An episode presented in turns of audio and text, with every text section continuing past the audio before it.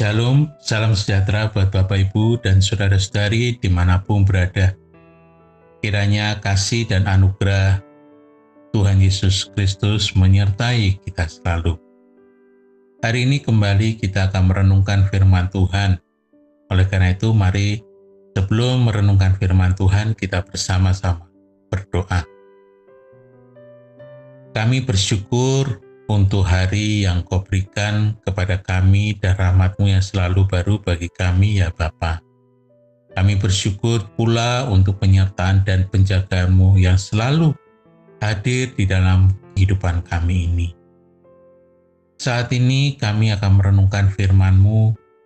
Kami mohon agar Roh Kudus menolong kami untuk dapat memahami dan terutama melaksanakan firman-Mu dalam kehidupan kami hari lepas hari, sehingga iman kami juga semakin dikuatkan. Terima kasih ya Tuhan Yesus, dan kami serahkan doa ini hanya di dalam namamu saja. Amin. Bapak Ibu kita akan bersama membaca di dalam firman Tuhan dari kitab Roma 8 ayat 31 sampai 39. Roma 8 ayat 31 sampai 39. Sebab itu apakah yang akan kita katakan tentang semuanya itu? Jika Allah di pihak kita, siapakah yang akan melawan kita? Ia yang tidak menyayangkan anaknya sendiri, tetapi yang menyerahkannya bagi kita semua. Bagaimanakah mungkin ia tidak mengaruniakan segala sesuatu kepada kita bersama-sama dengan Dia.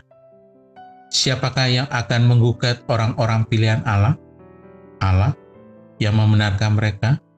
Siapakah yang akan menghukum mereka? Kristus Yesus yang telah mati, bahkan lebih lagi yang telah bangkit, yang juga duduk di sebelah kanan Allah, yang malah menjadi pembela bagi kita?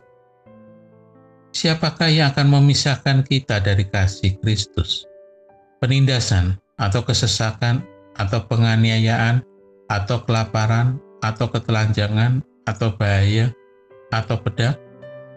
Seperti ada tertulis, oleh karena engkau kami ada dalam bahaya maut sepanjang hari, kami telah dianggap sebagai domba-domba sembelihan.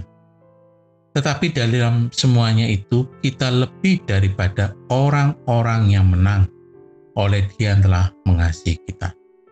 Sebab aku yakin bahwa baik maut maupun hidup, baik malaikat-malaikat maupun pemerintah-pemerintah, baik yang ada sekarang maupun yang akan datang, atau kuasa-kuasa, baik yang di atas maupun yang di bawah, ataupun sesuatu makhluk lain, tidak akan dapat memisahkan kita dari kasih Allah yang ada dalam Kristus Yesus Tuhan kita. Bapak Ibu, apakah saat ini Bapak Ibu sudah menghadapi tantangan-tantangan dalam kehidupan ini? Apakah saat ini Bapak Ibu sedang khawatir tentang kesehatan, masalah pekerjaan, masalah keuangan, masalah perkawinan, masalah anak, atau masalah dalam pelayanan? Bapak Ibu, jika seandainya seorang presiden atau seorang yang berkuasa berpihak kepada Bapak Ibu, tentu Bapak Ibu akan percaya bahwa segala sesuatu akan berjalan baik-baik saja.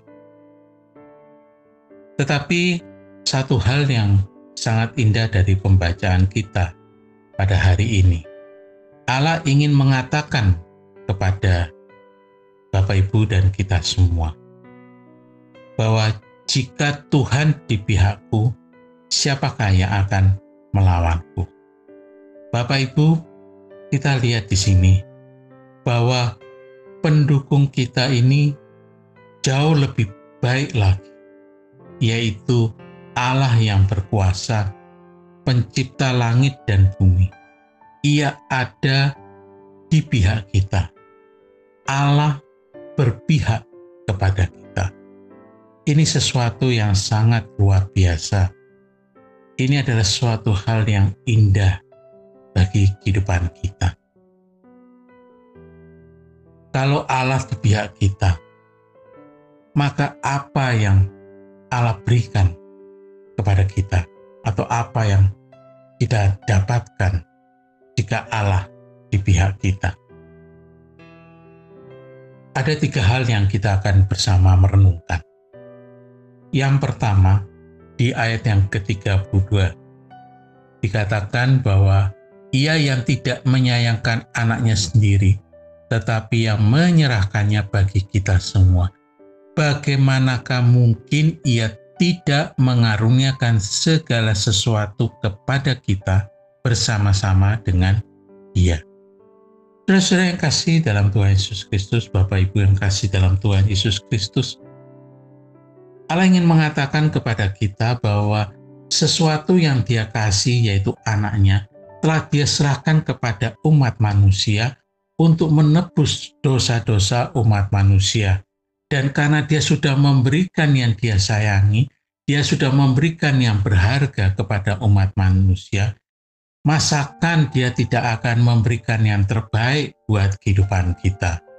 Oleh karena itu, ia ingin mengatakan kepada kita, jika Allah ada di pihak kita, maka tentu ia akan sanggup memberikan yang terbaik kepada kita.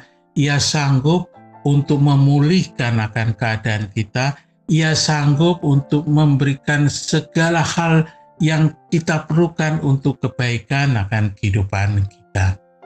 Oleh karena itu, Allah ingin mengatakan kita jangan khawatir dan kita jangan cemas, kita jangan putus asa di dalam menjalani kehidupan ini, karena Allah ada di pihak kita dan mampu memberikan yang terbaik kepada kehidupan kita.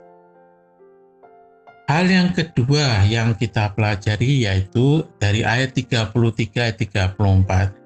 Jika Allah ada di pihak kita, maka dia akan menjadi pembela bagi kita. Pembela dari mana? Dari siapa Allah akan membela kita? Yaitu dari iblis yang sering kali menggugat kita. Bapak Ibu tanpa kita sadari, iblis kadang-kadang atau sering kali menggugat kita dengan memutarbalikkan kebenaran-kebenaran dari firman Tuhan. Apa yang dikatakan oleh firman Tuhan, apa yang sudah menjadi kebenaran firman Tuhan, iblis berusaha untuk memutarbalikkan demikian rupa agar kehidupan kita menjadi kehidupan yang tidak lagi bergairah, kehidupan kita menjadi kehidupan yang penuh ketakutan, kita tidak lagi mempercayai Allah, kita tidak lagi mempercayai akan kebenaran-kebenaran firman Tuhan. Bapak Ibu yang kasih dalam Tuhan Yesus Kristus, kita melihat di sini bahwa iblis akan terus menyerang kita, berusaha untuk menggugat kita.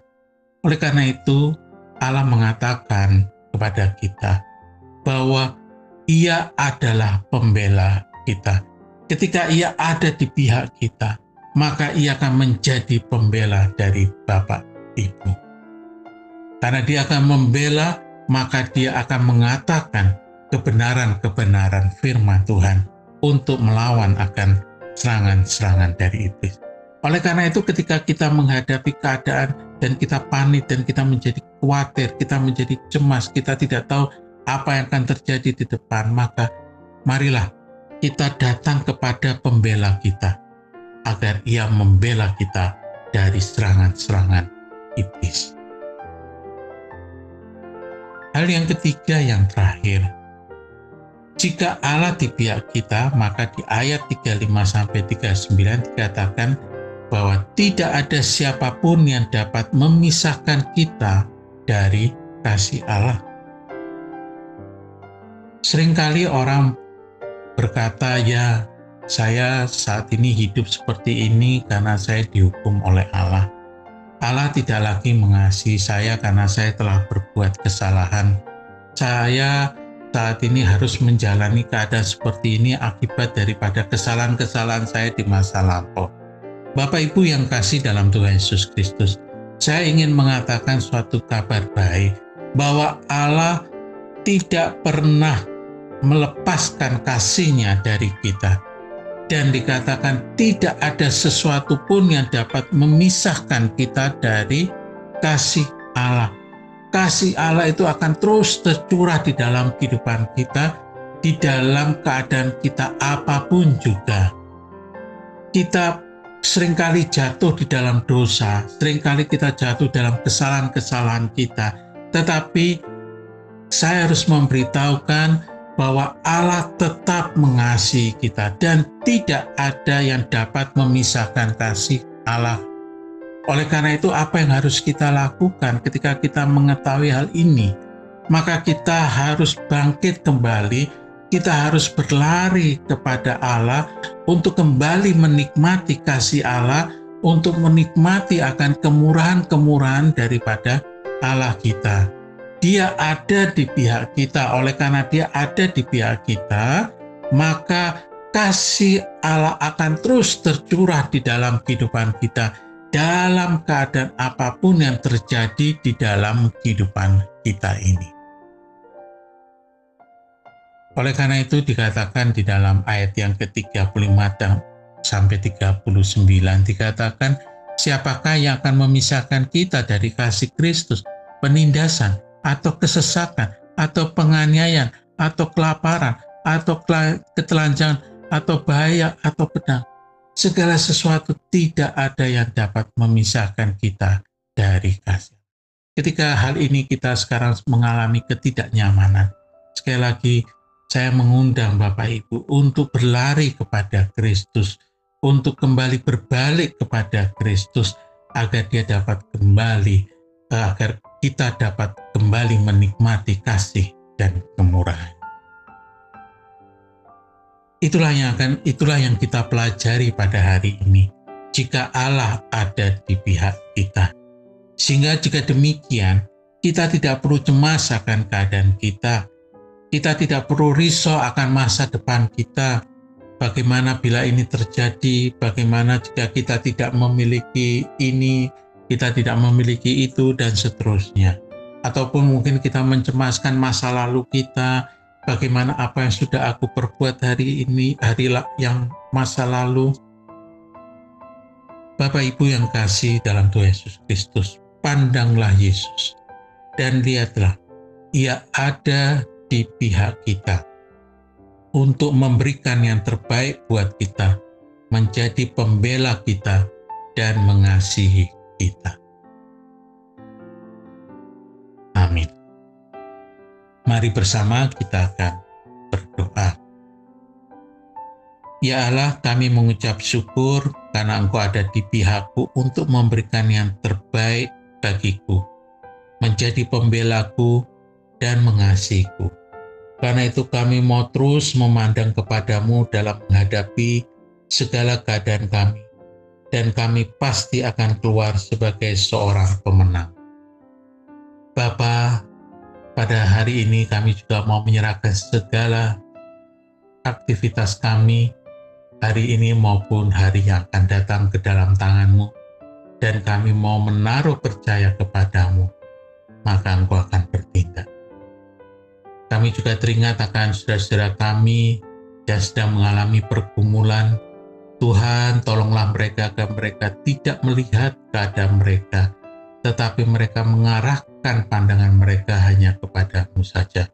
Mengarahkan pandangan mereka kepada salib yang sudah menyelesaikan segala sesuatunya. Kami juga mau berdoa Tuhan untuk pemerintah kami. Kiranya Engkau akan menolong pemerintah kami ini Tuhan, di dalam menanggulangi masalah-masalah yang ada, terutama saat ini masalah pandemi, masalah ekonomi, dan masalah bencana alam. Kiranya Engkau memberikan hikmat kepada mereka, kiranya Tuhan akan menolong mereka, sehingga segala kebijaksanaan yang mereka ambil boleh mendatangkan keadilan bagi rakyat Indonesia, persatuan, juga kesejahteraan bagi rakyat Indonesia. Terima kasih ya Tuhan. Akhirnya kami mau serahkan doa dan permohonan kami ini hanya di dalam nama Tuhan Yesus Kristus. Amin.